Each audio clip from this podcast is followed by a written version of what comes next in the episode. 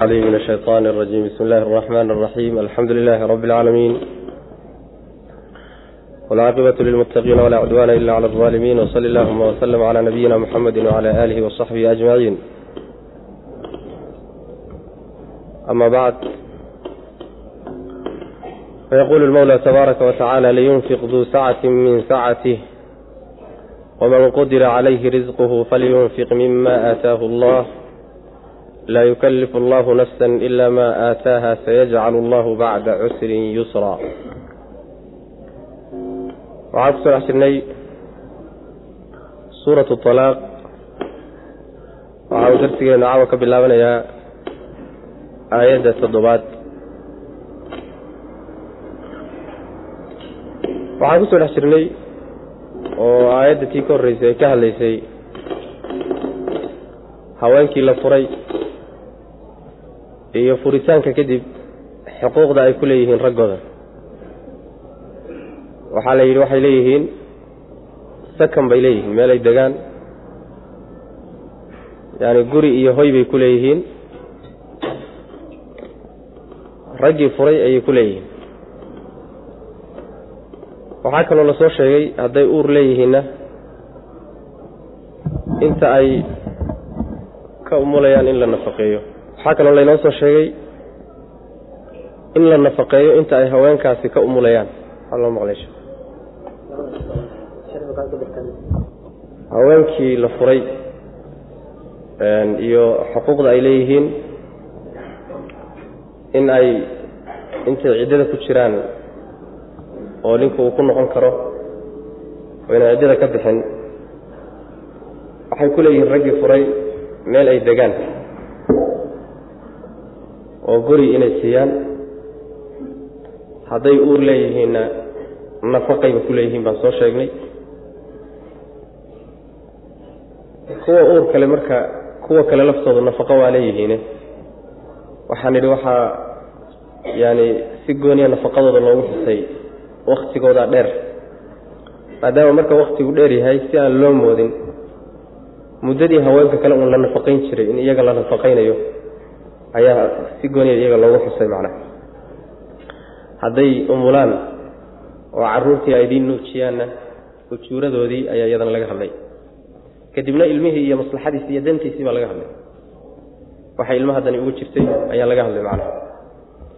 Ayib waxaa halkan laga hadlaya marka haddii la yidhi haweenkii nafaqa idinku leeyihiin nafaqa idinku leeyihiin nafaqada ay nagu leeyihiin iyo masruufka ay nagu leeyihiin qadarkiisu intee dhan yahay? Ma nin walba isagaa hawadiisa ku qiyaasanaya oo wixii la qumanaato siinaya ama hau yaraato ama hau badnaato? Mise qadar go-anoo waxaa jira sharcigu gooyey oo haweenkii ay leeyihiin? Tanay aayaddu ka hadlaysaa marka. Wuxuu alla yidhi subxana wa tacaala liyunfiq ha bixiyo duu sacatin mid waasacnimo u saaxiibihi. Min sacatihi waasicnimadiisa xaggeeda wax ha ka bixiyo oo ha ka nafaqeeyo. Waman qudira ciddii la cidhiidhiyo calayhi dushiisa risquhu risqigiisa ruuxii lagu cidhiidhiyana falyunfiq ha nafaqeeyo. Mima aataahu allahu wuxuu ilaahay siiyey oo ha ka bixiyo oo ha ka nafaqeeyo.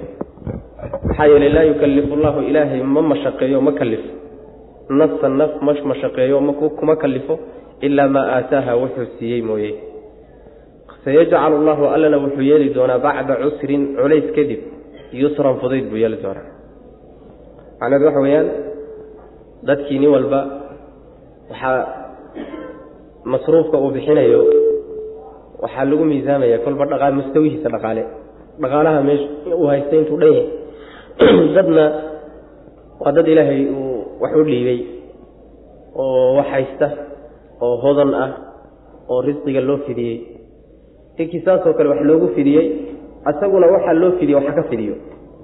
Yuusan cidhiidhin. Ninkii lagu cidhiidhiyeyna kolba tabartiisu intay tahay oo uu kari karo. Waxaa ilaahay siiye ee yarka ah wixii ka go'i karaa ha ka bixiyo. Maxaa yeelay ilaahay subxaana wa tacaala addoommadiisa waxayna kari karin kuma kallifo. Wuxuu siiyey oo gacantooda geliyey unbuu ku kallifaa. Waxaadan adiguba haysanin haweenaydii kuu joogtay si oo ku masruuf haddee waxa weeyaan tabar uma hayso waxaadan tabar uhaynin ilahi kuguma kalifin subxana wa tacala marka lababa waa la diidan yahay. Ragga xaggiisiina waxaa la diidan yahay waxay heli karaan oo awood u leeyihiin oo ay tabar u hayaan inay ku bakaylaan oo reerkii ay cidhiidhiyaan haweenaydii ay cidhiidhiyaan. Waxyaalo badan oo nolosha waxyaalaha looga maarmaanka ay yani ku cidhiidhiyaan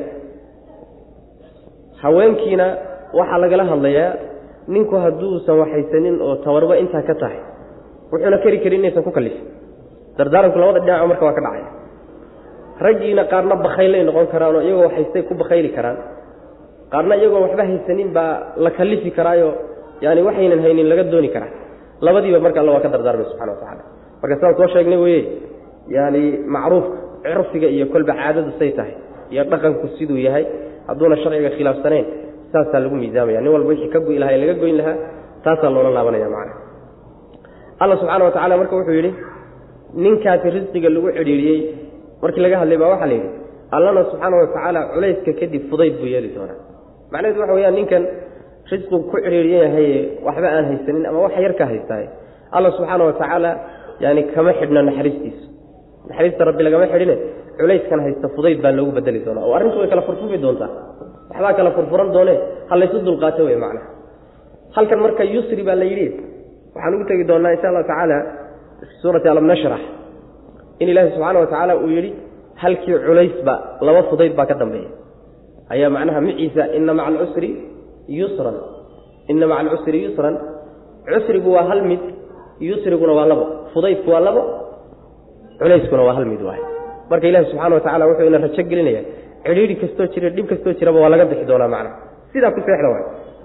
Liyunfiq ha bixiyo oo ha nafaqeeyo duu sacatin mid hodantinimo u saaxiibii min sacati hodantinimadiisa. Risqigaa loo fidiyey ee loo waasiciyey waxa ka bixiyo. Oo isaga qiyaastiisa iyo qadarka dhaqaalihiisa iyo awoodiisa wax ku aadan oo u dhigmi kara.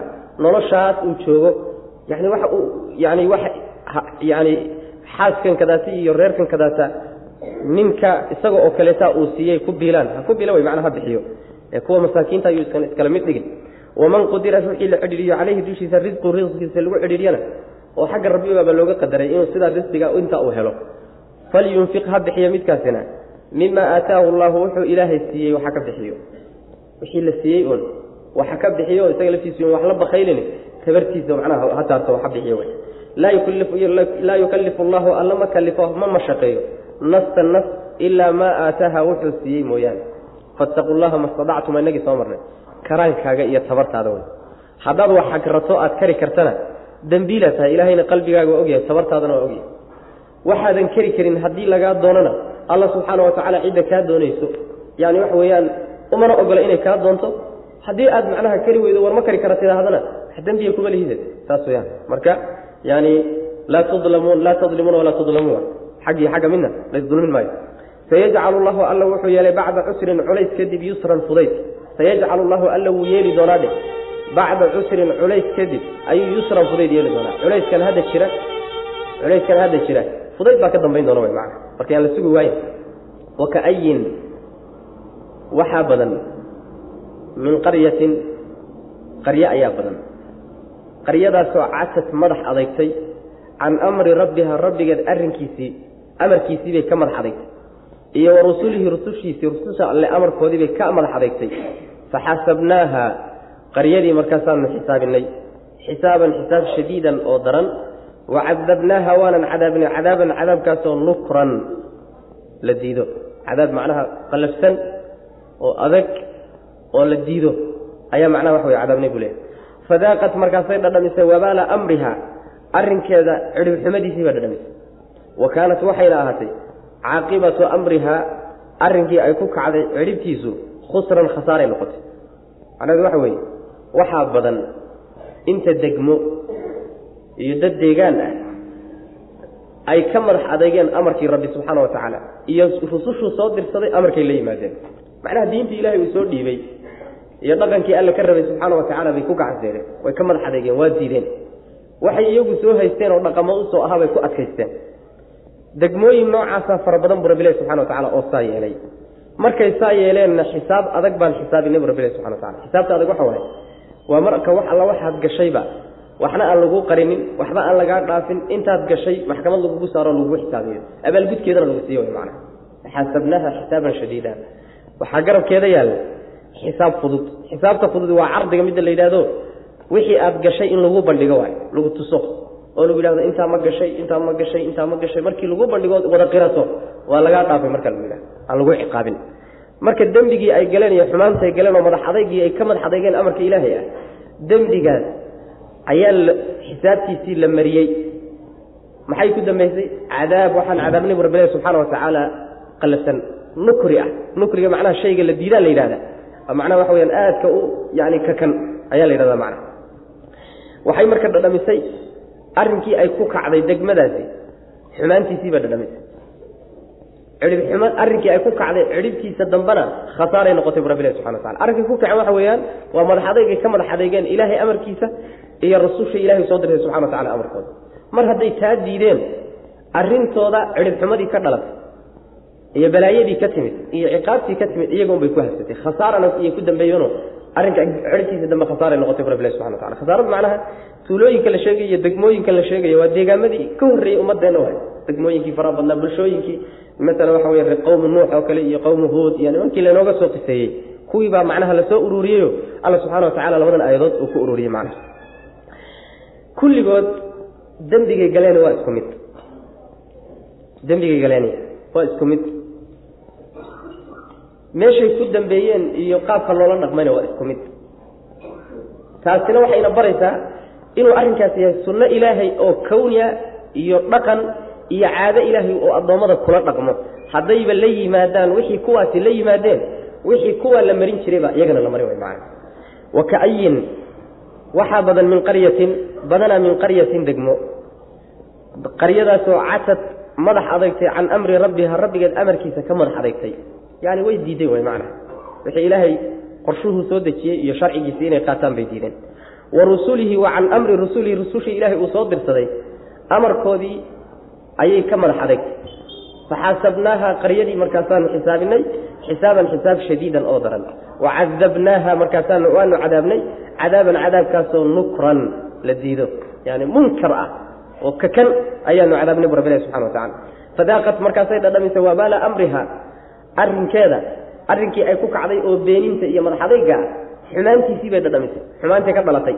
Wa kaana waxayna noqotay caaqibatu amriha qaryadaa arrinkii ay ku kacday ay samaysay cidhibkiisa dambe khusran khasaaray noqotay. Khasaaray noqotay dee iyagii o dhan in la baabi'iyo oo la wada halaago la tirtiro sidaasay ku dambaysay wayaan macna. Acadda allaahu alla wuu diyaariyey intaasi waa adduunyadii.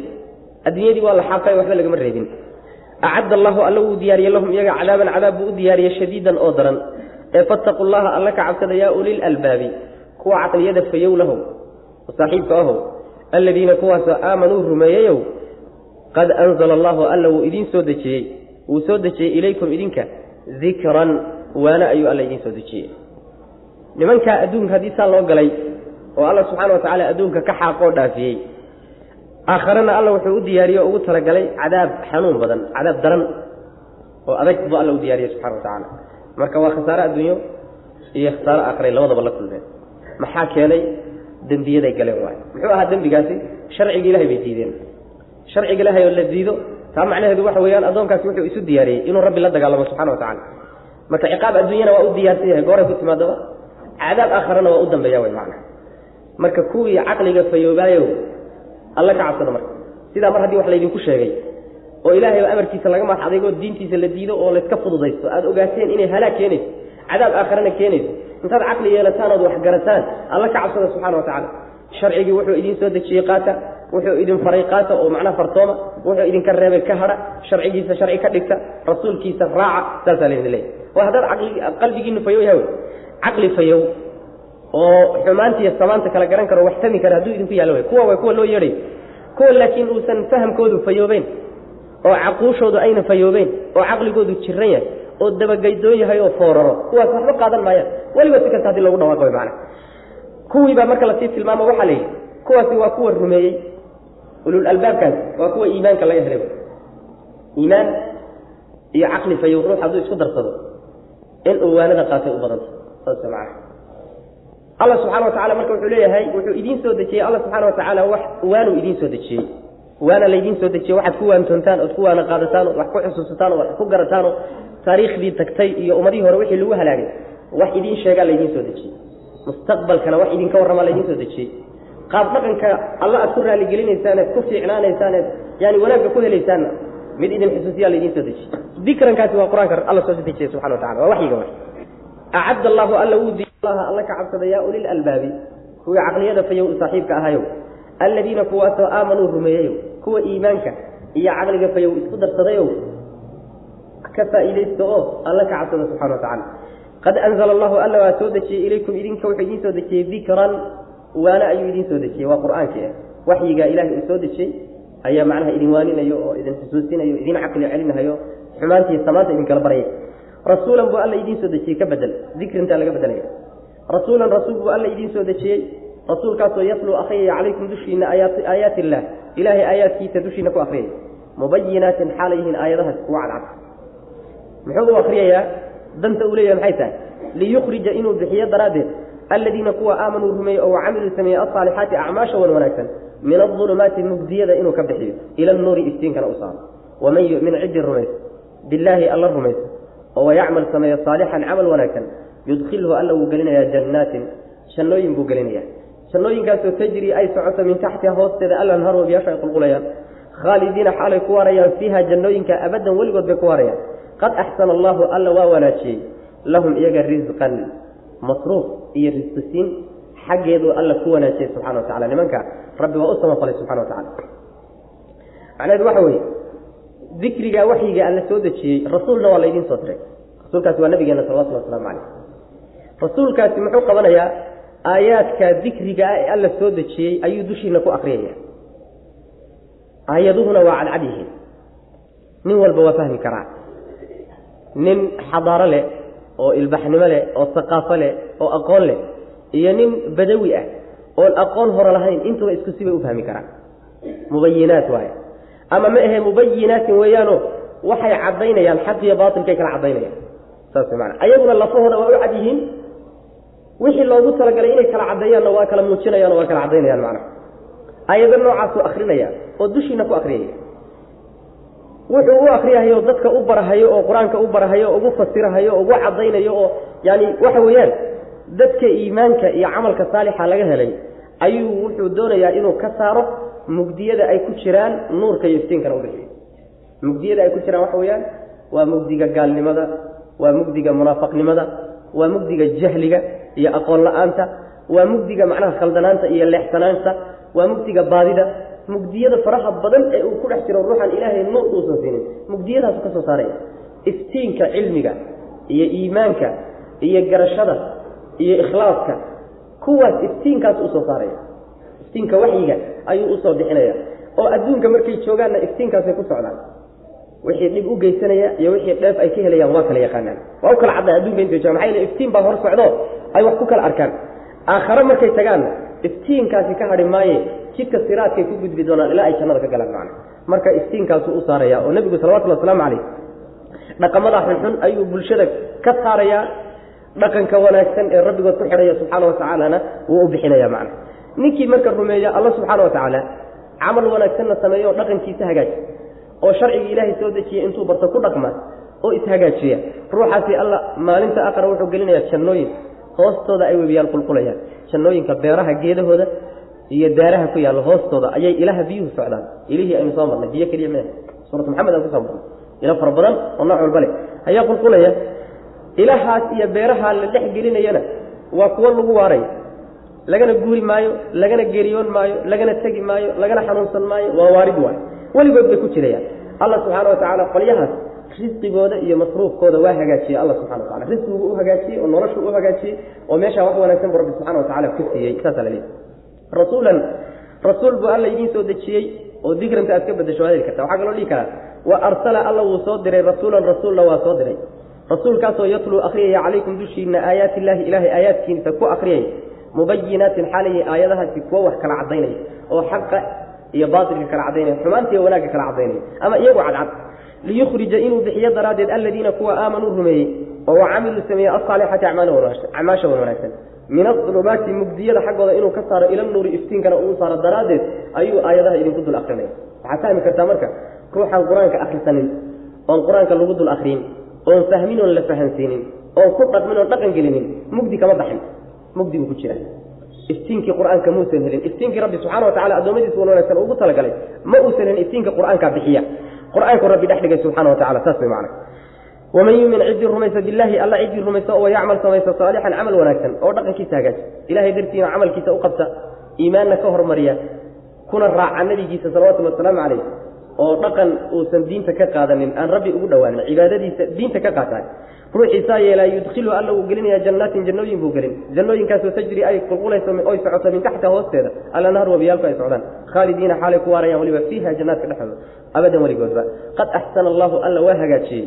Lahu isaga wuxuu u hagaajiyey ruuxaasi risqan risqi buu u hagaajiyey. Yacni risqigii iyo noloshii iyo masruufkiibuu alla u hagaajiyey subxana wa tacaala maadaama jannaba la dhex geeyey tadakaa'i risqigiisa la wanaajiye laba isweydiin mayso saas man allahu aladii khalaqa sabca samaawaati wamin alardi milahuna yatanazalu almru baynahuna litaclamuu ana allaha calaa kulli shayin qadiir wa ana allaha qad axaata bikulli shayin cilmaa allahu alle alladii midka wey khalaqa abuuray sabca samaawaatin toddoba samo midka abuuray wey wa min alardi dhulka xaggiisana milahunna toddobadaasoo kale midka ka abuuray wey yatanazalu way iska soo daba waxaa iska soo dabadegaa alamru amarkii alle ayaa baynahunna samaawaatka iyo dhulalka dhexdooda ayuu ku soo degaayo iska soo dabadegaa litaclamuu inaad ogaataan daraaddeed ana allaha alla calaa kulli shayin wax walba dushiisa qadiirun mid awooda inuu yahay.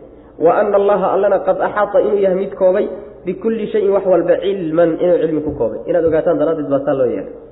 Alla iskeen subxana wa tacala allaha ada caabudaane kitaabkan soo dejiyey nebigana soo dirsaday salawatullhi wasalaamu calayh waa midka toddobada sama abuura wey toddoba samo samooyin toddoba ah iyuu alla abuuray subxana watacala toddobada samo middan ugu sokaysa unbaa inoo muuqata laakiin toddoba kale lix kale ka koraysa sida qur'aankuba meelo badan uu ku sheegay nabigeenuna salawatullahi wasalaamu caleyh xadiidkii leylat lmicraaj uu inoogu sheegay nebigu sal alay slam samo walba inuu sii maray albaabkeeda laga furay gooni ay tahay inta labada samo udhaxaysa nebigu waxdi uu ku sheegay salawatullahi waslamu caleyh dhulka xaggiisana toddoba dhul buu ilahay ka abuuray subxana wa tacala dhulka xaggiisana toddoba dhul buu ka abuuray. Samaawaadkuna waa toddoba dhulkuna waa toddoba samaawaadku marka la gerayo layslama diidana in ay toddoba samo oo kala go-an oo kala baxsan inay yihiin.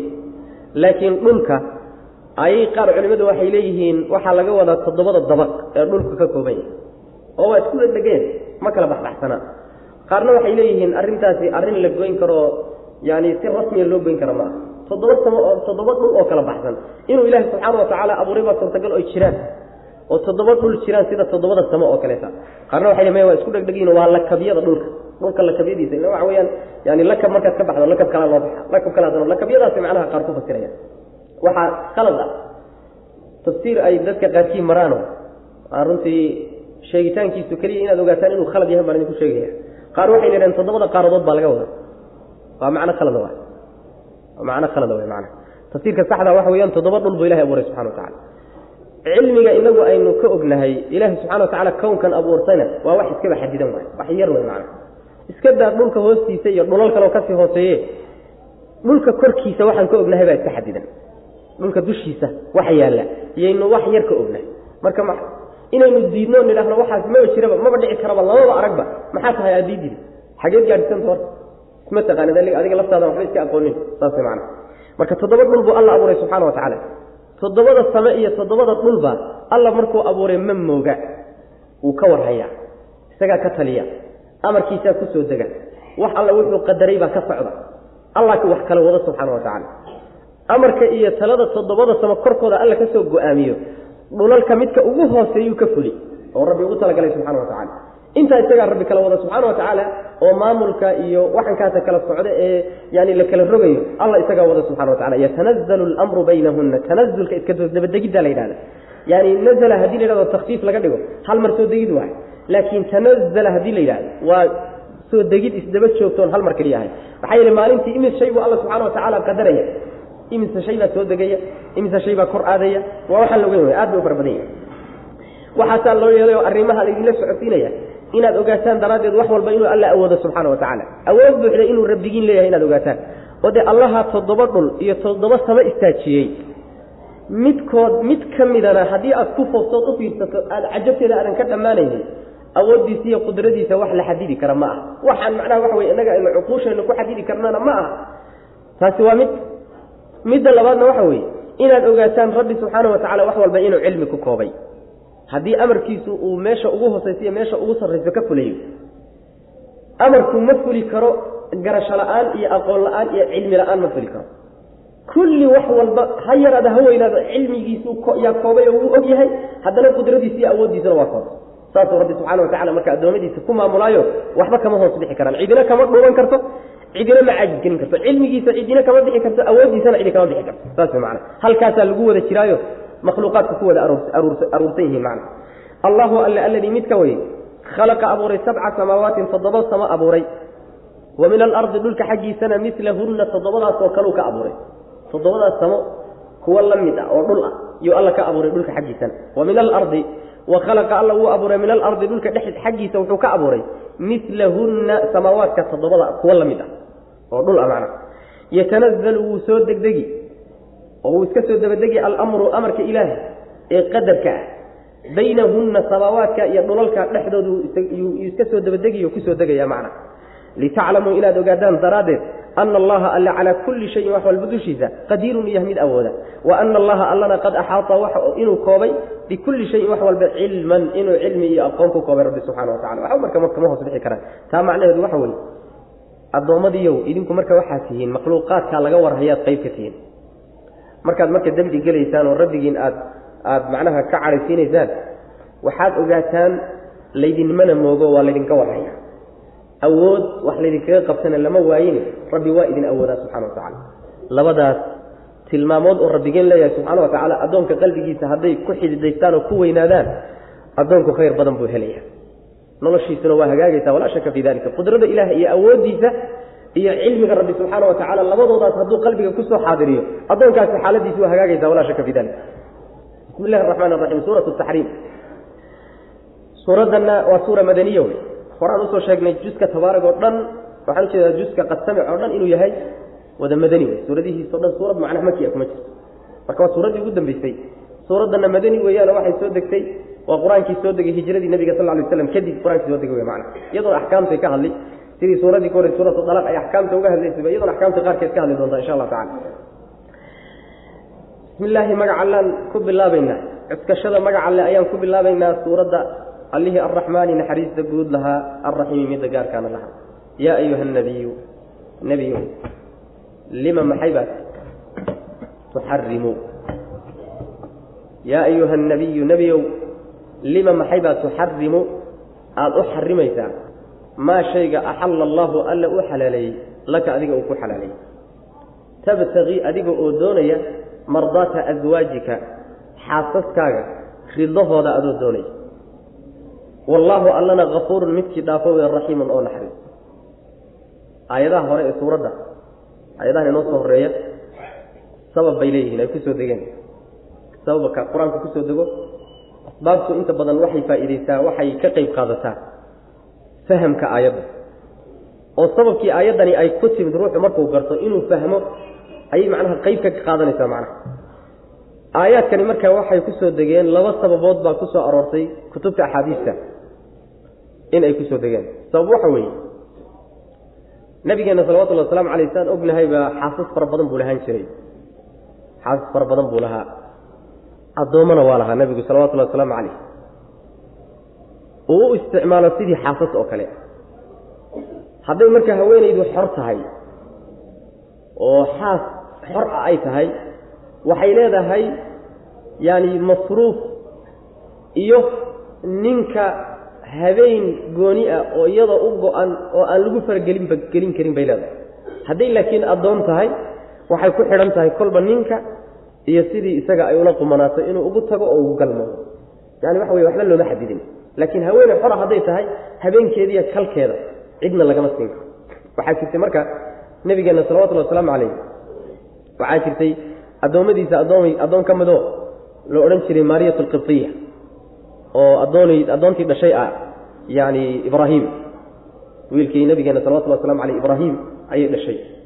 Waxaa dhacday marka xafsa binti cumar oo nabiga xaasaskiisa ka mid ahayd ayaa maalin maalmaha ka mida waxay aaday guriga aabbaheed bay aaday ayadoo guriga aabbaheed ku maqan ayuu nebigu sal lla lay wasalam gobasheedii iyo gurigeedii qolkeedii ayuu addoontiisii maariya yuu la galay. Meeshaasuu marka kaga dangutay nebigu salawatullhi wasalaamu calayh xafsa markay soo laabatay bay arrintii ka war heshay masayr baa marka qaaday. Waxay tihi nebi allow waxaadan xaasaskaaga mid kale ku samaynin baad aniga igu samaysay oo maxay tahay? Gobashaydii iyo weliba gurigaygii yaa naag kaleeto intaad la timid yaad hawl kaga qabtay arrintaasi arrin i qabata ma ah. Way xanaaqday. Aad bay uga xumaatay. Markaasuu nebigu sal alay wasalam ku dejiyey oo ku qaboojiyey wuxuu yidhi yaani haddayba sidaas tahayba ballan waxaan kugu qaadayaa inaanan dib dambaba aanan xaas uga dhiganayn dib dambaba u arki maayo. Saasuu macnaha ku dhaartay nebigu sal lla alay waslam dhaartaa markuu maray bu wuxuu ku yidhi waxaanse kuu sheegayaa warkaasi adiga ha kuu koobnaado cid kale ha gaadhsiin xabsa marka waxay samaysay warkii iyada mayna isku koobina caaishoy saaxiib ahaayeen bay warkii ku taabatay u sheegtay. Arrintii markay u sheegtay ayaa marka qur'aanka soo degay.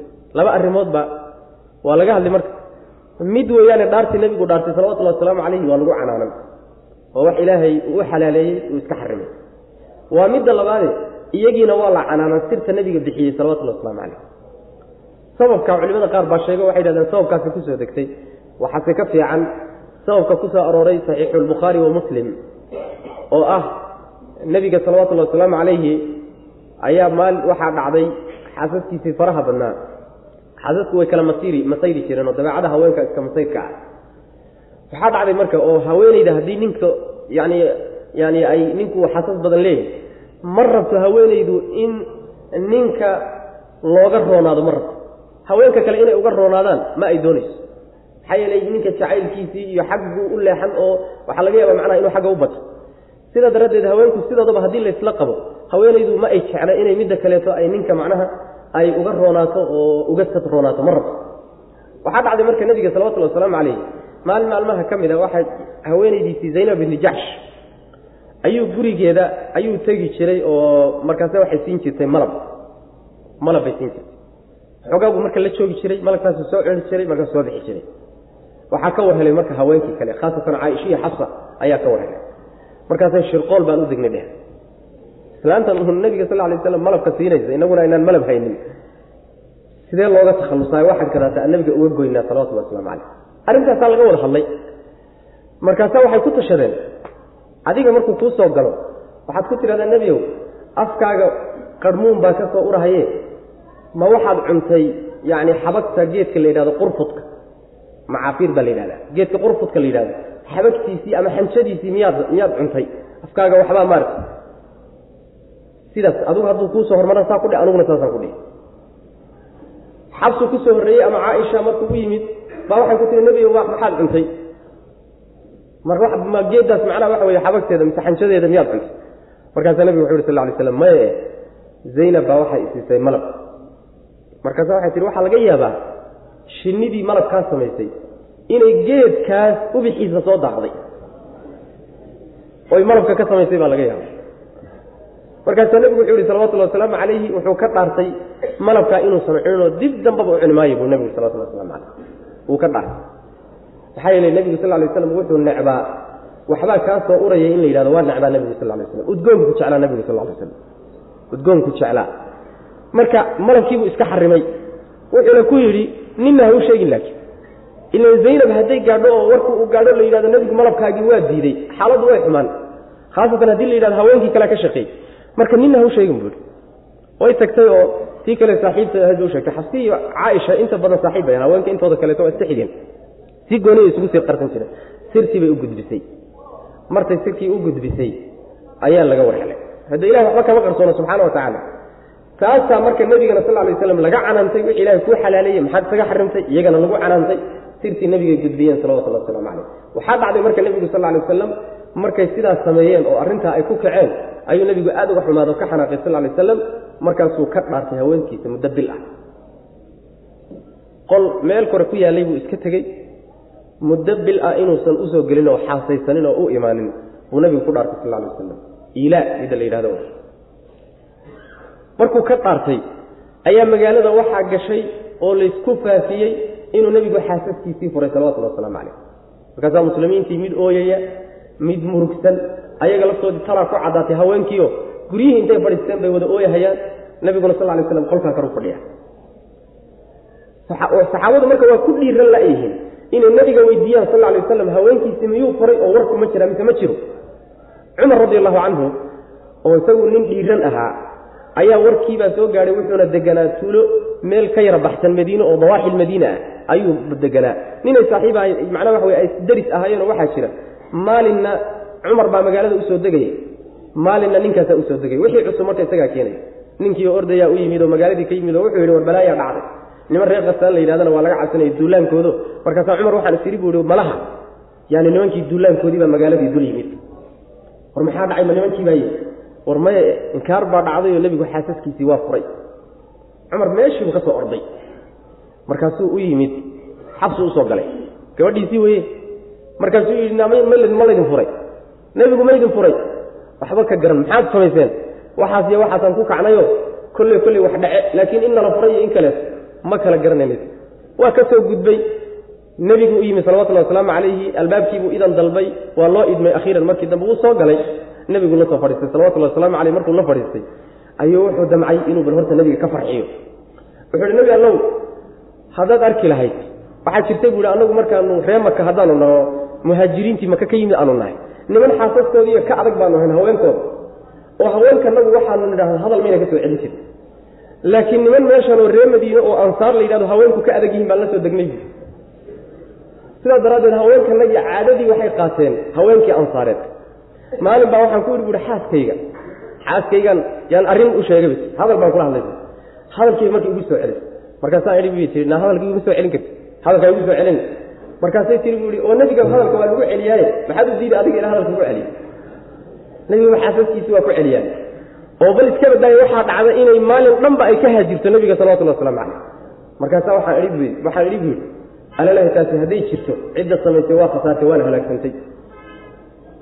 Ayadii marka hadalka igu celinaysay intaan luqunji baadhay baan luqunta isku jabiyey buui haddaad marka arki lahayd wixii haystay islaantaas waad yaabi lahayd buui nebigu markaasaa ku samaynay nebigu waa muusooday salawatullahi wasalaamu caleyh waxoogaa macnaha wuxuu rabaa inuu nebiga sal alay waslam uu ka saaro murugtan ka saaro dhowr mas'alo noocaas oo kale ah oo mid walba nebigu uu ku muusoodo ku qoslay buu u sheegay. Markaasuu wuxuu weydiiyey nebi allow xaasaskaaga miyaad furtay maya buu nebigu uri salawatullahi waslamu caleyh cumar meeshu intuu ka soo booday oo masaajidka iridiisa istaagay buu af labadii dhawaaqay. War nebigu xaasaskiisii ma furiney buu ku dhawaaqay macna.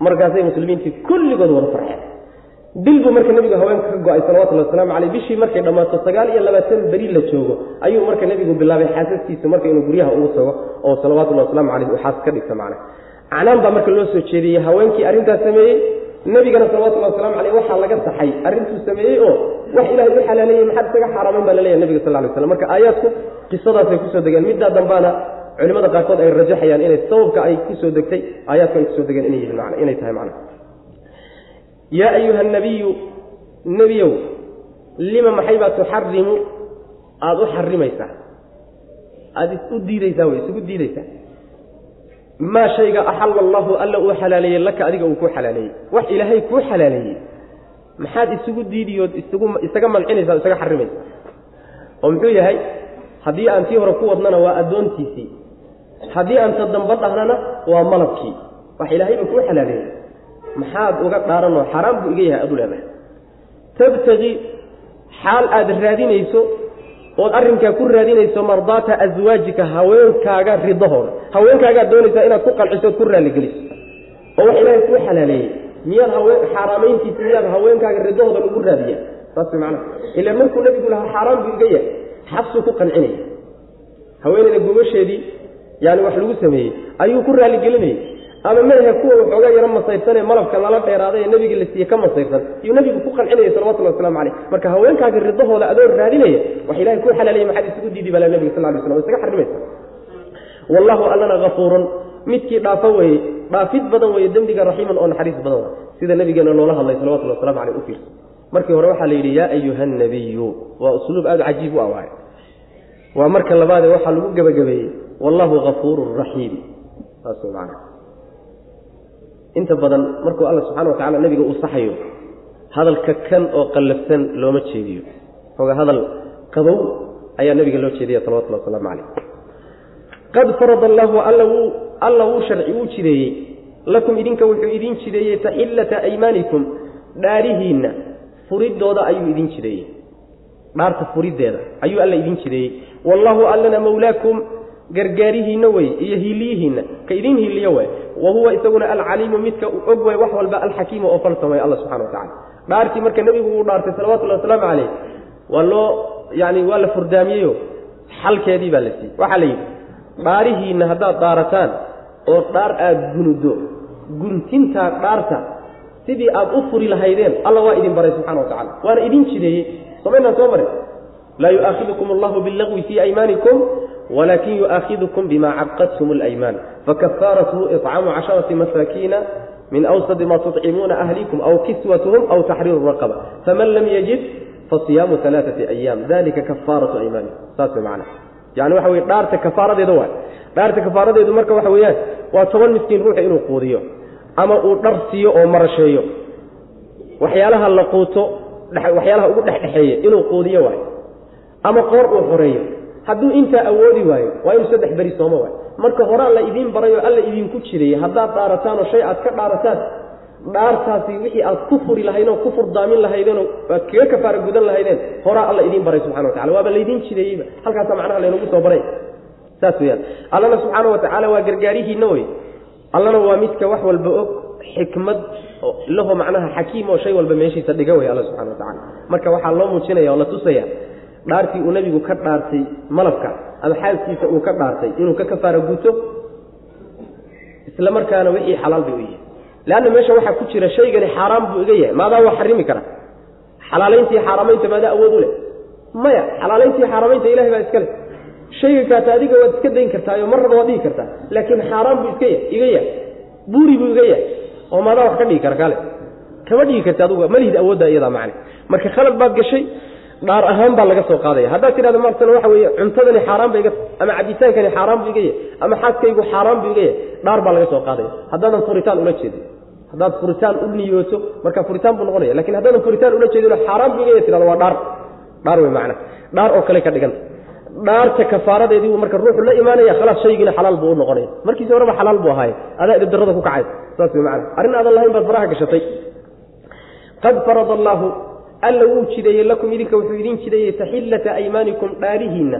Furidooduu idin jideeyey taxilla macnaha waxa weeyaan min xalla yaxillu taxillatan waay. Yani furiddaa la yidhahda. Maxaa yeelay dhaartii waxaa laga dhigaya sidii xadhig aada gunuday oo kaleeto kafaaradii laga kafaara gudanayana waxaa laga dhigayaa xadhiggii dhaarta furitaankiisii oo kale laga dhigaya macana sida adoo furay oo kaleeto. Wallaahu allana mawlaakum gargaarihiinna wey wa huwa alle alcaliimu waa midka wax walba og wey alxakiimu oo falsano shay walba meeshiisa dhiga wey waid asara annabiyu ilaa bacdi aswaajihi xadiisa. Arrintii baa marka la sii daba joogaa. Wadkur waxaad kastaa nebiga oo dadka u sheegtaa id wakti asara uu qarsaday oo siraystay annabiyu nebigu ilaa bacdi aswaajihi xaasaskiisa qaarkood uu ku qarsaday xadiidan sheeko. Falamaa nabba'at markii ay warrantay bihi warkii isaga ahaa caaishata markay u sheegtay oo wa adharahu allaahu warkii isaga ahaana alla uu muujiyey calayhi nebiga dushiisa uu u muujiyey ayuu carafa nebigu wuxuu aqoonsiiyey wuxuu garansiiyey tii warka faafisay bacdahu warkii qaarkii buu aqoonsiiyey oo garansiiyey. Wa acrada waana ka jeesaday can bacdin qaarna waa ka jeesadoo muusan u sheeginba. Falamaa nabba'ahaa falamaa nabba'a nebigu markuu warramay haa iyadii markuu u warramay bihi warkii qaalat waxay tihi man amba'aka oo yaa kuu sheegay man amba'aka haada oo yaa kan kuu sheegay arrintan mid baan isku ogeyn oo ku qarsadee warkani xaggee kaa soo gaadhay qaala nebigu wuxuu yihi salawatullhi wasalaamu calayh nabba'anii waxaa ii warramay warkan alcaliimu allaha wax walba og alkhabiir oo xoggaalka waxba allaha uusan ka qarsoomaynin ayaa ii warramay buu nebigu yihi salawatullah waslamu calayh waxaad dadka u sheegtaa markii nebigu uu xaasaskiisa qaar ka mida uu sheeko ku qarsaday.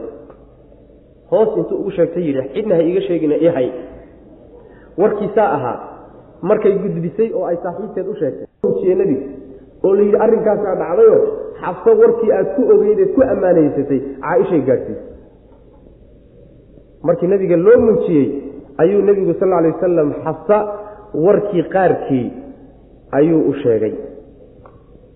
Oo yidhi warkaas soomada gudbinin qaarna wuu ka jeesaday nebigu sal alay wasalam waxay sheegtay faraha badnaa. Qaarna muuse sheegin in yar oona wuu u sheego wuxuu yihi intaa waad gudbisay intaasaad gudbisay inna waaba iskaga jeesaday nebigu sal alay saas weeyaano waayeel waxay dhihi somalida umuliso iyo yani waxa weye waayeel midna si wax og yahay waxuma sheegaa la yidhahda warka waa la kala reebtaa sidiisaba. Saas hal mar lama wada sidaaye in uun muhimadda aad doonaysa kugu filan baa laga sheegaa bas marka nebigu sal lay slam qaarna waa haysta wuu ka ceshado wuu ka qarsaday qaarna warkii waa u sheegay xabsa markaase xabsa intay ergagaxdoo yaabtay. Yaa waxay istidhi aleelaha warkan tii aad ku qarsatay baa malaha nebiga u sheegtay xabsa waxaa u jira caaisha caaisha aleelaha isku kiindirtay adiga nebigo warka kaa gudbisay. Markaasa intay soo boodabay waxay tihi oo yaa kuu sheegay warka markaasaa wuxuu nebigu sal lay slam waxaa ii sheegay meedana ka felinin baa war ka yimid. Waxaa ii sheegay allaha wax walba og arrimaha hoose ee qarsoonna ka warhaya. Xogogaalka u ah xaggiisa iga soo gaadhay buu nebigu yihi salawatullah waslamu calayh marka sirta nebiga sal lay slam bixinteedu wax sahlan ma aha. Sirta nebiga iska ruux caadi oo muminiinta ka mid oo muslimiinta ka mid a hadduu sir kuu dhiibto waa inaad sirta uhayso si walbo ay xaaladu noqotoba waa inaad wixiisa uhayso way u qariso wy macana inaad macnaha waxa wey mid kale intaa u sheegto tira war ha sheegi waa sir oo hebel baa igu ammaanaystay ha sheegi hebelkiina mid kale u taga wuxuu leeya war hadha waa sir eh. Hebel unbaa aniga hebel baa isla ogi. Ha sii sheegi. Ha sii sheegi ku tegi. Warku sidiisaba wuxuu ammaano leeyahay intuu ku jiro macnaha waxa afkaaga ku jiro ka soo bixin. Mar hadduu kaa soo baxo oo nin labaad uu gaadho nin saddexaad iyo nin afraad iyo cid shanaadba waa gaadhaya macna sidaas weyaan marka khalad bay ahayd ay ku kacday xabsa radi allahu canha wadkur waxaad jirtaa waxaa ku soo arooray axaadiista qaarkood oo sixadooda aana garanaynin inuu nebigu sal lay slam xabsa uu furay. Oo waynu soo marnay hore u soo sheegay. Oo alla ku yidhi subxaana watacala soo cesho soo cesha lagu yidhi. Liannaha sawaamatun qawaamatun wa hiya min aswaajika fi ljanna xaasaskaaga jannaday ka mid tahay waana haweenay soom badan oo salaad badane soo cesha lagu yidhi. Wadkur waxaad jirtaa nebiyow id waqti asara uu qarsaday annabiyu sal lay wasalam nebigu markuu qarsaday ilaa bacdi aswaajihi xaasaskiisa qaarkood markuu ku qarsaday xadiidan sheeko iyo war. Falamaa nabba'at markay warantay bihi warkii caaishata markay uga warantay ayaa qaalat waxay tidhi waa adharahu dheh allana uu u muujiyey adhara alla adhara uu muujiyey hu warkii allaahu alle uu muujiyey calayhi nebiga dushiisa uu muujiyey ayuu carafa yuu garansiiyey xabsa bacdahu warkii qaarkiibuu garansiiyey. Wuu u caddeeyo wuu u sheegay. Wa acrada wuuna ka jeedsaday can bacdin warkii qaarkiina waa ka jeedsaday macnaa sheegidiisii wuu iska daayo wuu iska qarsaday falamaa nabba'ahaa warkii markuu u sheegay nebigu nabba'a nebigu markuu sheegay sal lay wasalam haa warkii haadhe xabso markuu u sheegay. Bihi warkii markuu u sheegay ayaa qaalat waxay tidhi man amba'aka haada? Man amba'aka yaa kuu sheegay nebiyow? Haada warkan yaa kuu sheegay hadalkan yuu kaa soo gaadhay iyadu marka waxay u cadhaysan tahay caaisha oo isleedahay waa isku kiindartay qaala wuxuu nabigu sal lay sl naba'anii waxaa ii warramay alcaliimu allaha wax walba og alkhabiiru xogaalka waxba usan ka qarsoonayn. Labadoodii baa marka hadalka loo jeedin xabsiya caaisha in tatuubaa haddaad towbad keentaan oo soo laabataan ilallaahi alle xaggiisa haddaad u soo laabataan falitawbatikumaa muujibun. Jawaabtu saas waa towbadiinna inaad soo laabataan wax keenaa meesha yaalla khalad inaad soo laabataan keena ayaad ku kacdeen wey macana maxaa yeelay faqad saqad waxaa iilatay quluubukumaa qalbiyadiinna ayaa iishay oo leexday. Wain tadaaharaa haddaad isu kaashataanna calayhi nebiga dushiisa haddaad isu kaalmaysataan ood isugu tagtaanna fa ina allaha alle huwa isaga ayaa mawlaahu hiiliyihiisa. Ilaahay baa la jira nebiga. Wa jibriilu jibriil iyo wa saalixu lmu'miniina mu'miniinta kooda wanaagsan. Waalmalaa'ikatu malaa'igtiina bacda dalika intaa kadib dahiirun midii iyaduna hiilinaysa malaa'igtuna intaa kadib ayay iyaduna nebiga u hiilinaysaa salawatullah wasalaamu caleyh casaa wuxuu mudan yahay. Rabbuhu nebiga rabbigii wuxuu mudan yahay. In tallaqa kunna hadduu nebigu idin furo an yubdilahu inuu bedel siiyo nebiga aswaajan haween inuu bedel siiyo haweenkaasoo khayran idinka khayr badan minkunna idinka idinka khayr badan. Muslimaatin haweenkaasoo hogaansanayaal ah rabbigood u hogaansan. Mu'minaatin oo kuwa rumeeyey ah. Qaanitaatin oo aseecsan taa'ibaatin oo noqonayo rabbigood u laabanaya. Markay gafaan caabidaatin oo caabudaya rabbigood. Saa'ixaatin oo soomaya. Dayibaatin garoobyo ah iyo wa afkaarin gabdhaba ah. Kuwaa inuu ilaahay idinku bedelo oo idinka inta laydinka maarmo kuwaa nebiga loo guuriyo yuu rabbigii mudan yahay wey macana haddaad waxaad waddaan joojin weydaan caaishiya xabsaay haddii aad toobad keentaanoo gefkaad gasheen iyo xumayntii aad nebiga xumayseen aad ka soo laabataan hade arrintaasi waa gar oo wax keena inaad soo laabataan baad samayseen wey macana wax keena oo waajibiye inaad soo noqotaan baad samayseen oo gafbaad ku kacdeen. Marka soo noqda wey maxaa yeelay qalbiyadiinni labadiinni qalbi baa leexday oo waxay ka leexdeen sidii loo baahnaa. Waxaa loo baahnaa wuxuu nebigu jecel yahayna inay la jeclaadaan salawatullahi wasalaamu calayh wuxuu neceb yahayna inay la necbaadaan. Laakiin wuxuu nebigu jecel yahay inay iyagu nacaan oo ku garab maraan. Quluubtiinnii baa leexatay oo yacni wax weye dhinac u baydhay. Sidaa daraaddeed waad khaldanteen. Haddiise aad sidan u sii wadaanoo nebiga isu kaashataan oo isugu tagtaan oo shirqood u samaysataanoo idinku isgacan siisaan si aad nebiga aad macnaha waxa weeye aad wax dhib u gaarsiisaan waxaad ogaataan cid la'aan ma aha nebigu sal ciidan la'aan ma aha ciidan la'aan isaga laftiisu hiilla ma waaye allah horta garab taaganoo la jira waa kow. Jibriilna waa la jiraayo waa garab taagan. Yahy mu'miniinta kuwooda wan wanaagsanna waa garab taagan. Yahy intaa marka laga yimaadana malaa'igta guutadeeda guutada dhan ee malaa'igtuna waa dahiir oo way kaalmaynaysaa iyada lafteeda macnaha nabiga garab taagan tahay salawatullah waslamu caleyh marka labadiinna maxaad qaban kartaan wey bal canaanta loo soo jiday u intaasoo dhan oo iskaashatay ma la dagaalami kartaan. Maya waxba iskama celin kartaan marka haswaalina aayara soo laabta macana waad khaldantay waad gaftan gafkii ka soo noqon. Saasaa leedahay macana aad loola hadlay. Maxaa yeele arrintay ku kacen ba arrin khalad ah bini aadamku waa khaldamaa hadduu shariif yahay iyo hadduu sheekh yahay iyo hadduu caalim yahay iyo hadduu oose intaba waa khaldamaa laakiin khaladkii baa laga saxaya saas inaad wax u gashaan ma ahay wey macana waa la sii wadayo intaa lagama hadhin. Waxaa la yidhi hadduu idin furo nebigu salawatullahi wasalaamu calayh rabbigii wuxuu mudan yahay kuwo idinka wanaagsan inuu ugu bedelo oo kuwo idinka wanaagsan oo xaafis idinka fiicana inuu alla siiyo bedelkiina saasuu rabbigii mudan yahay subxana wa tacala macnaha idiin darsan maayo wey macnaha. Haddii sidan aad ku sii socotaanoo joogi weydaan inta meesha laydinka saaraa kuwo idinka fiicfiican nebiga la siin salawatullahi wasalaamu calayh oo tilmaamahan le waa hogaansan yihiin oo waa muslimaad waa mu'minaad oo allay rumeeyeen iyo xaqa waa qaanisaad oo allay adeecsan yihiin kadibna nebigay adeecsan yihiin iyo zawjkooda waa taa'ibaad oo way soo noqonayaan markuu gafku ka dhaco kuma madax adeegaan way ka soo noqdaan caabidaad weeyaan oo rabbigood bay caabudaan subxaana wa tacaala saa'ixaad weeyaanoo waa hade haween soomo oo soonka badsado wey waxayna isugu jiraan haween carmal ah oo garoob ah iyo gabdha isugu jiraan. Saas macnaha. Macnaheedu waxa weeyaan carmal garoob iyo gabdha isugu jiraan. Macnaheedu waxa waaye shaygu markuu nooc nooc yahay iyo markuu hal nooc yahay waa kala fiican yahay sooma saa daradeed ba nabigeena sal lay slam xaasaskiisa waxay isugu dhex jireen garoob iyo gabdhay isugu dhex jireen caaisha gabadha inta kalena garoob buu nabigu ku guursaday salawatullah waslamu caleyh marka waxay muujinaysaa bay leeyihiin nooc noocay garoobkana waa nooc gabdhuhuna waa nooc nooc noocuna hal nooc waa ka fiican. Saasaa la leeyahy macna marka laydiin darsan maaye war dantiina hamoogaanina leeyahay haweenkii nebigu oo macnaha waxa way khaladka ka soo laabta.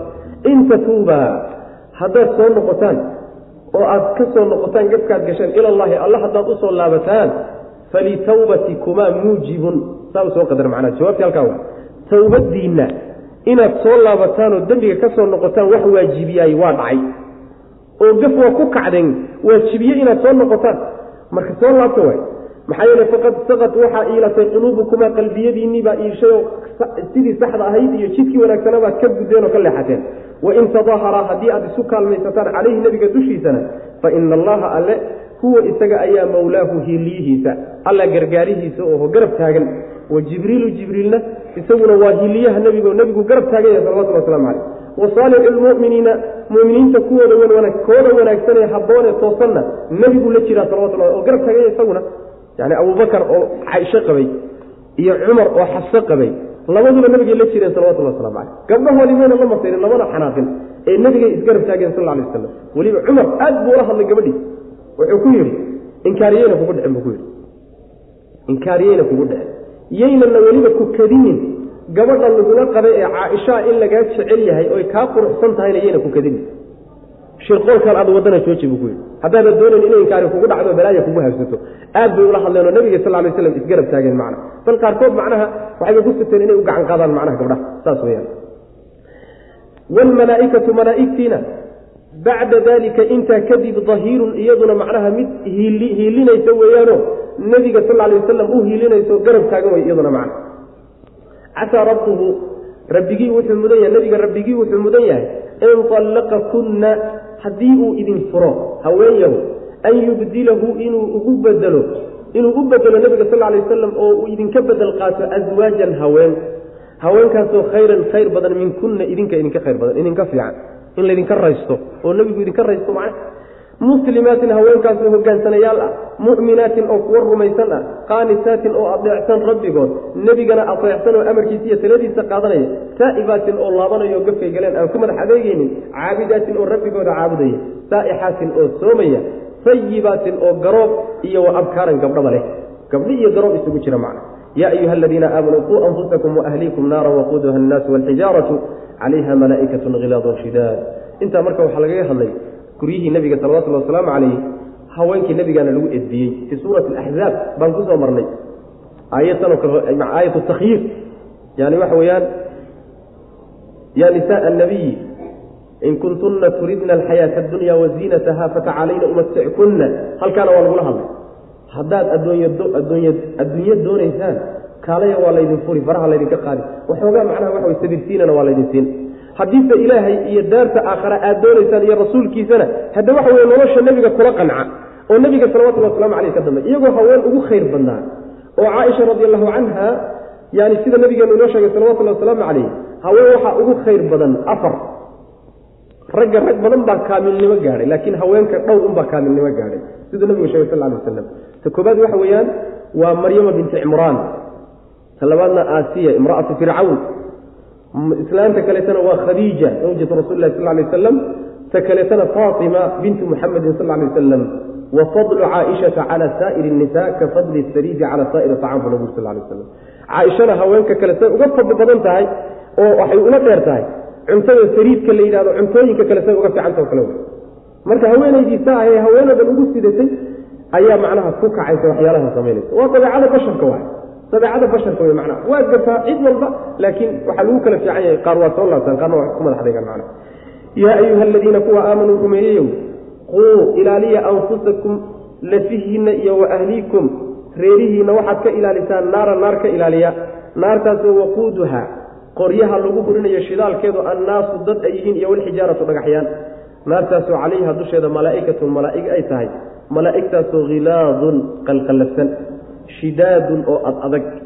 Laa yacsuuna allaha malaa'igtaasoo alle aan caasiyeynin maa amarahum wuxuu amro aan caasiyeynin wayafcaluuna samaynaya maa yu'maruuna wax alla wixii la amrana ku tilaabsanaya malaa'igtaasoo qaa'iliina odhanaya yaa ayuha aladiina kafaruu gaaloobayow laa tactadiruu ha cudurdaaranina alyowma maanta ha cudurdaaranina inamaa tujzawna waa uun laydinku abaalmarinaya maa kuntum waxaad ahaydeen tacmaluuna kuwa sameeye macnaheedu waxa weye alla subxaana watacaala halkan dardaaran buu jeedin oo waxaa la tawjiihinayaa dadka muminiinta muminiintiio naftiinna iyo ehelkiinaba naar ka ilaaliya naar naftiinna iyo ehelkiina waxaad uga ilaalinaysaan in aada la timaadaan sababkii aada naar kaga badbaadi lahaydeen oo ah barashada diinta iyo ku dhaqankeeda markii la soo ururiyo. Ilaahay inaad oteecdaan addoommo u noqotaan wuxuu idinka raba la timaadaan wuxuusan rabinna ka tagtaan. Idinkuna qaata eheladiinna iyo caruurtiinna iyo xaasaskiinna iyo qaraabadiinnana ku dhaqa. Taa unbaa naar lagaga badbaadi karaa. Naartaa iska jira laydin leeyahay shidaalka lagu shidayay qoryaha uhi waa dad iyo dhagaxyaan wey saas way qoryo caadiya maba qaadataba shidaalkeedu dadka ayay ku shidantaa oo markii ruuxa lagu tuuro olol bay siyaasataa. Sidii dad qoryo la geliye oo kale la afuufay. Dhagaxyaanta marka lagu tuurana sidoo kaleeto olol bay sii siyaasataa. Marka naar noocaasoo kaleo shidaalkeedu waxaa yahay idinkuna iska jira reerihiinna iyo xaasaskiinna carruurtiinana ka ilaaliya macna malaa'ig baa yaa waardiga ka hay waxaa ka shaqaynaysa naartaas malaa'ig baa ka shaqaynaysa. Malaa'igtaasi waa qalqallafsan yihiin. Qalliifku waxa waaye qalbigoodu waa qallafsan yahay hadalkooduna waa qallafsan yahay ficilkooduna waa qallafsan yahay. Naxariis ma yaqaanaan. Naxariis ma yaqaanaan. Shidaaduna waa ad adag yihiino abuurkooda iyo jidhkooda suu alla u abuuray subxaana wa tacaala aada buu u adag yahay. Waa weynanka iyo xoogga iyo rabbi subxaana wa tacaala quwadda uu ku abuuray. Waxaad suuraysan karta maba aha nimankaasaa ka shaqaynaya naartan iyada. Waxaad ka baxsan kartaan ama ka fadka kartaan ma aha. Wix alle wixii alla amrona ma amar diidahayaana waa fulinayaan wixii la amroo dhan bay yeelayaan mana caasiyaan rabbigood subxaana wa tacaala. Malaa'igtaasi kuwa naarta galay waxay ku odhanayaan war kuwii gaaloobayo maanta ha cudurdaaranina. Cudurdaar maanta male haddaad si kasta cudurdaar u keentaan maanta laydinka aqbali maayo. Maxaa yeelay maanta waxa uu laydinku abaalmarinaya waxaad adduunka soo samayn jirteen. Saas way macana laakiin boqol cudurdaar haddaad keentaan anugu maya sidana wax iga ahaayeen sidanaan u khaldamay hataa wax soo hagaajinaya warkaa laydinka yeeli maayo ku odhanaya. Waa kuwa cadaabka gale ay waardiga ka hayaane macnaha iyagu ku maamulayaan way meesha yaa ayuha aladiina kuwa aamanuu rumay marka waxaa khalada. Ruuxu lafihiisa inuu hagaagaan laga yaabaa oo ishagaajiyo isagu laakiin reerkiisa iyo carruurtiisa inuu dayaco saasa aada u badan. Oo carruurtaada iyo reerkaaga iyo xaaskaaga maxaad cadaab uga raalli noqon. Haddaad aduga cadaabka ka cararayso mid baad arkaysaa haweenaydiisi waa qaawantaha isaguna safka horu fadhiya mid baad arkaysaa carruurtiisi waa dayacan yihiin oo wada ciyaal suuq iyo waxaan ilaahay aqoonin iyo gabdhihiisii iskuulka jiraan. Rag bay ku lifaaqan yihiin. Ma yaqaano meelay jiraan midbaa macnaha waxa weye safka hore fadhiyo cadaab ka cararay carruurtiisiina gaalu gacanta u geliy hay'atulkanasiya iyo yurub meesha intuu ka tuuray yaa waxay ku sugan yihiin ba usan garanayn war carruurtaadiiyo reerkaaga cadaabkaad ka cararayso kala carar. Laakiin iyagiina inaad cadaab uga raalli noqoto adigiina aad ka cararto midda alla subxana wa tacala waa diidaya waajibka ugu horreeya dadka mas'uuliyiinta iyo waalidiinta ku waajibaya waxa weeye inay arrimaha diineed iyo mustaqbal iyo aakharo reerkiiyo carruurta horta kala fikiraan. Bal adduunyadu ha dambayso laakiin midka ugu horraysa xilka la doonaya inaan qabanno middaa iyadaa wey macana yaa ayuha aladiina kuwa aamanuu rumeeyeyo quu ilaaliya anfusakum lafihiinna iyo wa ahliikum reerihiinna waxaad ka ilaalisaan. Yani ahalka waa carruurtii iyo xaasaska waaye. Naaran naarka ilaaliya. Naartaasoo waquuduha shidaalkeeda lagu shidayaay. Annaasu dad uu yahay iyo walxijaaratu dhagaxyaan.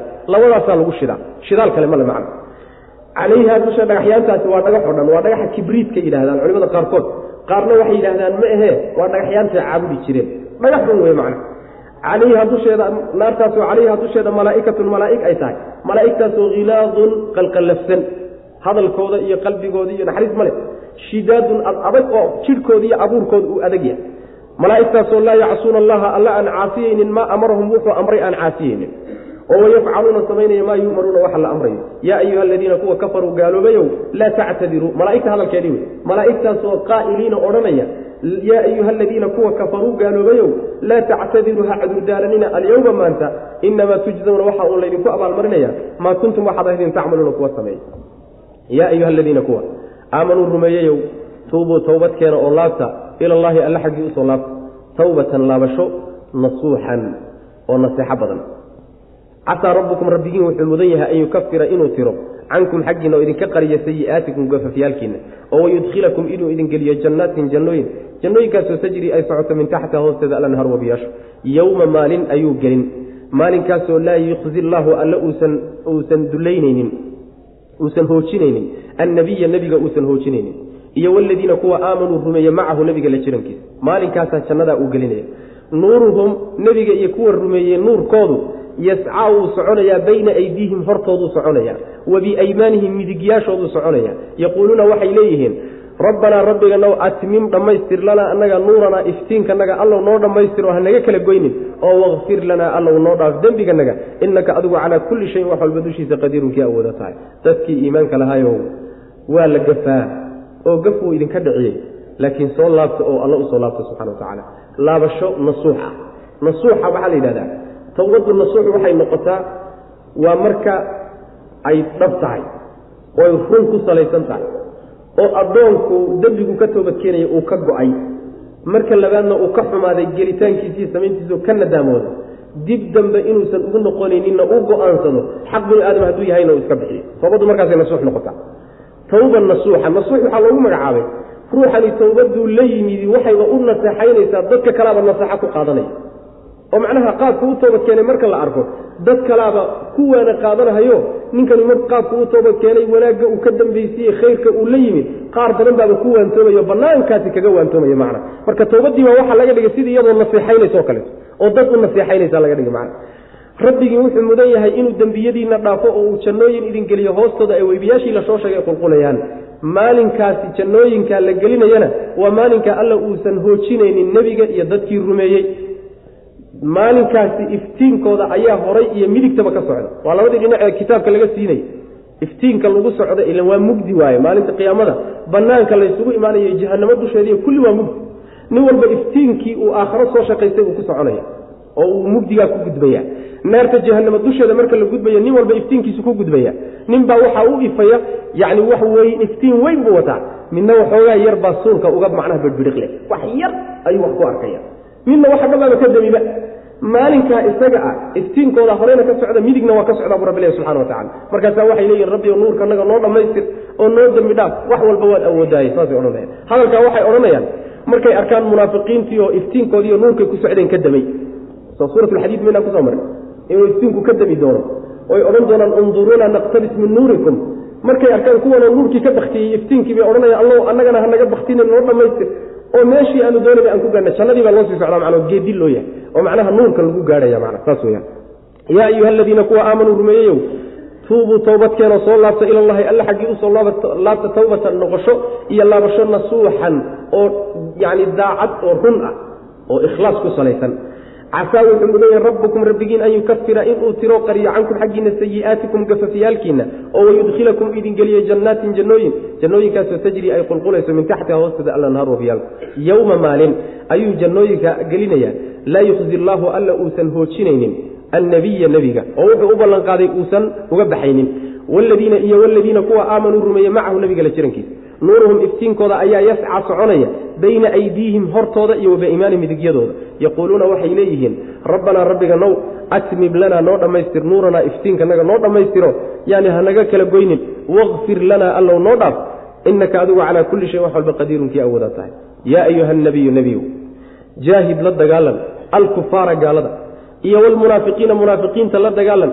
Oo waqlud qallafsanow calayhim dushooda ku qallafsanow wa ma'waahum xeradooduna iyo mooradooduna jahanamu jahannamo wey wabi'sa waxaa xumaaday almasiiru meel loo ahaado oo loo laabtana jahannama u xumaatay.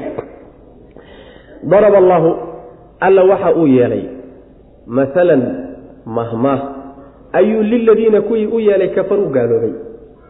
Imra'ata nuuxin nuux xaaskiisiibuu mahmaahda ugu yeelay wamra'ata luutin iyo luut xaaskiisii. Kaanataa waxay ahaayeen labadaa haween taxta cabdayni laba addoon hoostood bay joogeen oo min cibaadina addoommadanada ka mid. Labadaa addoonoo saalixayni wan wanaagsan. Fakhaanataa labadii haween waxay khayaameen. Huma labadii addoon ee wanaagsanaaye ku hoos noolaayeen bay khayaameen. Falam yugniyaa labadii addoon ee wanaagsanaa mayna deeqin. Canhumaa labadii haween xaggooda mayna ka deeqin. Min allahi xagga alle shay oo xamiina uga deeq. Waxba u tari waaye. Waqiila waxaana la yidhi labadii haweenkaa lagu yidhi udkhulaa gala annaara naarta gala maca daakhiliina. Kuwa gala la gala layidhi kuwa gala la jirankooda naarta gala saasuu rabbi ku yidhi subxana wa tacala nebiga waxaa la yidhi gaalada la dagaalam munaafiqiintana la dagaalam kuna ka kano oo ku qallafsanow baa layidhi nabiga salawatullah waslamu caleyh gaalada waxaa lagula dagaalamaya marna xujada lagula dagaalamaya marna seeftiiyo gacantaa lagula dagaalamaya. Munaafiqiintana waxaa lagula dagaalamaya marna xuduuddaa laga oofinaya gefkay galaan loogu dulqaadan maayo. Marna waxa weye xujada dusha laga saarayo qawaaricda sharciga lagu garaacaya macna saasaa la leeyahay. Ku adkow baa laleeyahy nabiga salawatullah waslamu caleyh meeshay ku dambayn doonaan waa jahanamo weyna xumaatay. Laba tusaale marka aayad suuradda lagu gabagabaynayo. Tusaale waxaa loo samaynayaa dadka gaalada. ah oo si kasta hadday dadka mu'miniinta u dhex oo ku dhex noolaadaan oy wax ula samaystaan oy isu dhex galaan isdhexgelidda dadka wan wanaagsan ay isdhex galeen marba hadday gaala yihiin waxba u tari mayso. Tusaale arrintaa laga bixiyey. Tusaalaha ka dambeeyana waxa weeye dadka mu'miniinta ah ee iimaanka leh haddii ay ku qasbanaadaan inay kuwo gaalo a la tacaamulaan oo isdhex galaan oo wada noolaadaan oo wax wada cunaan oo wax wada cabbaan waxba yeeli mayso maadaama iimaan ay ku gaariyoodeen labada tusaale ayaa la bixin mid waxaa lagu tusaale bixiyey haweenaydii nebi nuux iyo haweenaydii nebi luut.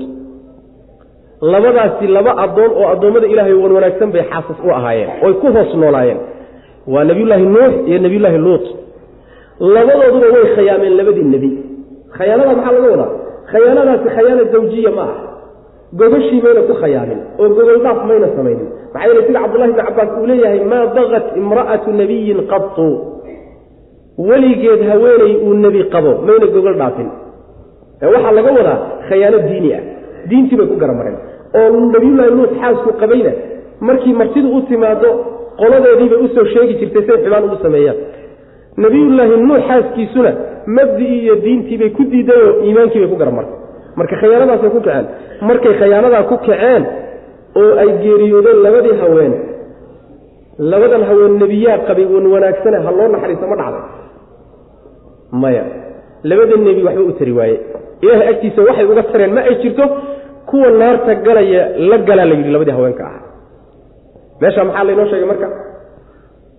Rag nebiye ah oo xaasaskoodii la cadaabay soo maa waxbana u qaban waaye. Calashaani xaasaskaa gaalnimo ku dhintay soo maa ayib ta inoo soo socotana dhegeysana marka yaa ayuha nabiyu ka nebigahu jaahid la dagaalan alkufaara gaalada iyo walmunaafiqiina munaafiqiinta oo waqlud ku qallafsanow calayhim dushooda wa ma'waahum xeradooda iyo gurigooduna jahanamo weye wa bi'sa waxaa xumaaday almasiiru meel loo ahaado daraba alla wuu yeelay masalan mahmaahu wuxuu ka yeelay liladiinana kuwii uu yeelay kafaruu gaaloobay imra'ata nuuxin imra'atu nuuxin taasaa darabada mafcuulkeedii koobada daraba allahu alla wuu yeelay imra'ata nuuxin nuux haweenaydiisii iyo imra'ata luutin ayuu masalan mahmaah ka dhigay liladiina kuwii buu mahmaah uga dhigay kafaruu gaaloobay saas wey macana kuwaasaa loogu mahmaahaya oo tusaale looga dhigaya kaanataa waxay ahaayeen labada haweenkii taxta cabdayni laba addoon bay ku hoos noolaayeenoo xaasis u ahaayeen oo min cibaadinaa addoommadanada ka mid a labadaa addoonoo saalixayni wan wanaagsan. Waa laba nebi bay ahaayeen. Fakhaanataa labadii haween waxay khayaameen huma labadii addoon ee wan wanaagsanaaye labadii nebi bay khayaameen falam yugniyaa labadii nebi ma aynan deeqin canhumaa labadoodii xaas xaggooda min allahi xagga alla xaggiisa shay-an waxba mayna uga deeqin waxba waa uga tari waayeen. Ilaahu xaasas bay noo ahaayeeno waanu wada cuni jirnayo waanu wada joogno muddaan isla noolayno ee ilaahay sida u dhaan warkaasi war yaalla ma ah gaal ilaahay subxana wa tacaala ninna warkiisa ka aqbali maayo. Saas wey saasay warkooda ku gabagaboobaya wa qiila waxaana la yidhi udkhulaa gala labadii haweenka ahayo annaara naarta gala maca adaakhiliina kuwa gelaya la jirankooda gala layidhi kuwa naarta galaya raaca wa daraba allaahu alla wuxuu yeelay.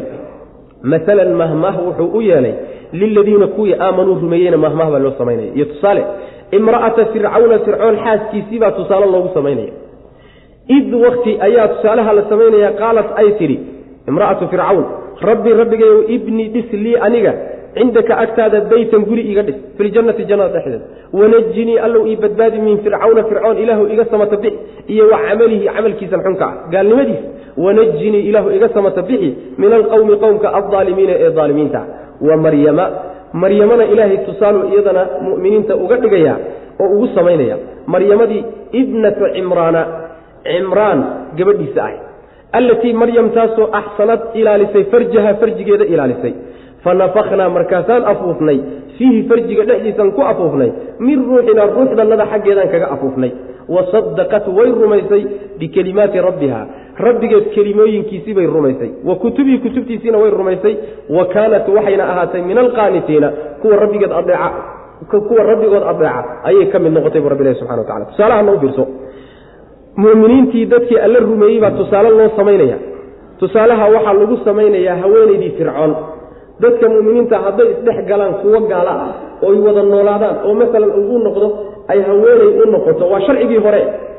Ama meehe ay u noqoto xaas u noqoto oo laysdhex galoo la wada noolaado. Dhibkii uu iyo gaalnimadii gaalkaas aad wada noolaateen inaysan dhib kaa soo gaadhayn adiga haddaad iimaan ku geeriyooto oo nin walba wixiisa aakharo uu la imaan doono taasaa macnaha tusaale looga dhigaya fircoon oo cid kasta oo gaala ugu weynaa gaalnimadiisuna xaddaaf gaadhay. Xaaskiisu mu'minad bay ahayd. Aasiya ayay ahayd oo waa haweenkii hadda aan tirinayna nebigu yidhi kuwa dhammaystirmay ee qiimaha badan bay ka mid tahay ayay ahayd. Markaasaa waxay gaalnimadiibay ku diiday fircoon. Nabiyullaahi muusa calayhi salaam bay rumaysay. Waxay le sheegayaan riwaayaadka israa'iiliga ay tilmaamayaan inuu fircoon dilay. Markuu kari waayey ayuu dilay. Weliba suxsan buu u dilay way adkaysatay marka iimaankeedii iyo islaamnimadeedii bay ku adkaysatay. Iyadoo haweenay oo weliba macnaha waxa iska jirecsan ayay haddana waxay ku adkaysatay ilaa ku geeriyootay iimaanka iyo islaamnimadii alla subxaana wa tacala bay marka weydiisato waxay tidhi alla waxaan ku weydiisanayaa inaad jannada guri iga dhisto. Waa shay la codsado kii ugu weynaaw guriga ilaahu adduunka gurye igu sii ma ah. Ilaahu guri janna ii dhis. Waxaadna iga samata bixisaa ninkan fircoon la yidhaahday iyo camalkiisa iyo dhaqankiisa xunna ilaahu iga samata bixi kuwan daalimiinta ahee isaga la socdiyo isagabana ilaahu iga samatixiyo iga badbaadi sidaa markay tidhi aasiya imra'atu fircawn ayadana waa tusaale dadka mu'miniinta bay tusaale u tahay macna. Iyadii alla waa janneeyey odaygeedii fircoon ahaana cadaab buu alla u sii qaaday subxana wa tacala taasi marka waa qiso hore. Hadday dadka mu'miniinta hadda ku qasbanaadaanna waa sidoo kale laakiin innaga haweenka mu'minaadka inay gaala guursato laynoma ogola soo maa laakiin waa tusaale haweenaydu hadday fiicantao ninkeedu xun yahay waxba u tari mayso. Iyadiina dib u geedhsan mayso hadday iimaan kulmiyo iimaan ka wada dhexeeyo ninkaygu waa xumaayo xumaan buu ku geeriyooday. Naaninkaada maxaad u hagaajin weyday maxkamad loo saari maayo. Saas man iyadana waxeeday leedahay isaguna wixiisuu leeyay. Tusaalaha labaadi waxaa lagu sameeyey wuxuu ku ammaanay farjigeeday ilaalisay. Waxay ka ilaalisay siine iyo xumaan bay ka ilaalisay. Markay ilaalisayna ilahay malakuljibriil buu u soo diray halkaa maradu ay ka go-an tahay jeebka la yidhaahda ayuu kaga afuufay. Afuufistii ruux ilaahay abuuray oo loo soo dhiibay buu xambaarsanay. Markuu ku afuufay asagoo suuro bashar leh ayay marka farjigeeda gashay. Sidaa waxaa ku caloolgalay nebiyullaahi ciisa calayhi salaam. Waxay intaa ku dartay farjigooday ilaalisay waxay ku dartay waxay rumaysay ilaahay kelimooyinkiisa. Kelimooyinkaasi ama waa kelimooyinka qadaha ilahay iyo qadarkiisa ku saabsan ama mae kelimaadka waxaa laga wadaa suxuftii ilaahay uu soo dejiye kutubta waaweyn aan ahayn. Suxufu ibraahim iyo suxufi muusa iyo rusul kale suxuftii lagu soo dejiyey kutubtana waxaa laga wadaa kutubtii waaweyneedee alla soo dejiyey. Waxayna ka mid ahayd addoommada rabbigood adeecsan bay ka mid ahayd. Labadaa tusaalena waxaa loo soo qaaday dadka muminiintaabu alla subxana watacala inoogu tusaaleyey u qur'aanka rabbi wuxuu ku tusaale bixiyey subxana wa tacaala labadii isqabtay oo midna cadaab galay midna janno galay. Oo weliba nebiyo ay yihiin oo nebiyadii waxba u qaban waayeen xaasaskoodii waxaa kaloo laynoo soo sheegay waalid ilmihiisii wax u qaban waaye waxaynu ku soo marnay qisadii nabiyullaahi nuux sooma ahayn fii suurati huud fii suurati huud. Wiilkiisii khalaas waa tegey. Igalama hadli kartid baa layidhi weliba. Waxaa kaloo soo marnay ilmo nebi ah oo ilaahay ugu jecel kuwa ugu jeclaya nebiyada ka mida oo aabbihii waxba u qaban waaye waxaynu ku soo marnay qisadii nabiyullahi ibraahim sooma ahayn. Haddana waxaan joognaa xaasaskii waxba loo qaban laaya dad baa waxay la yaabayaan marka la yidhaahdo warheedhe nebigu adeerkii ama aabbihii ama hooyadii hadday gaalnimo ku gerido waxba uma qaban karo. Waa wareey war waa la gaaloobey ma nebiga aabbihii iyo hooyadii baad wax ku sheegteen? Qur'aanku intaasoo meelood buu ku sheegayaa adigana caqiidadaada aabbaha iyo hooyadaana caqiidadooda. Haddaad boqol goor waalisma khaliiluraxmaan ibraahim yaa ka fiican. Nabiyullaahi nuux calayhi salaam yaa ka fiican. Dadkii ama ay dhaleen ama yani iyaga dhalay bay wax u qaban laayeen.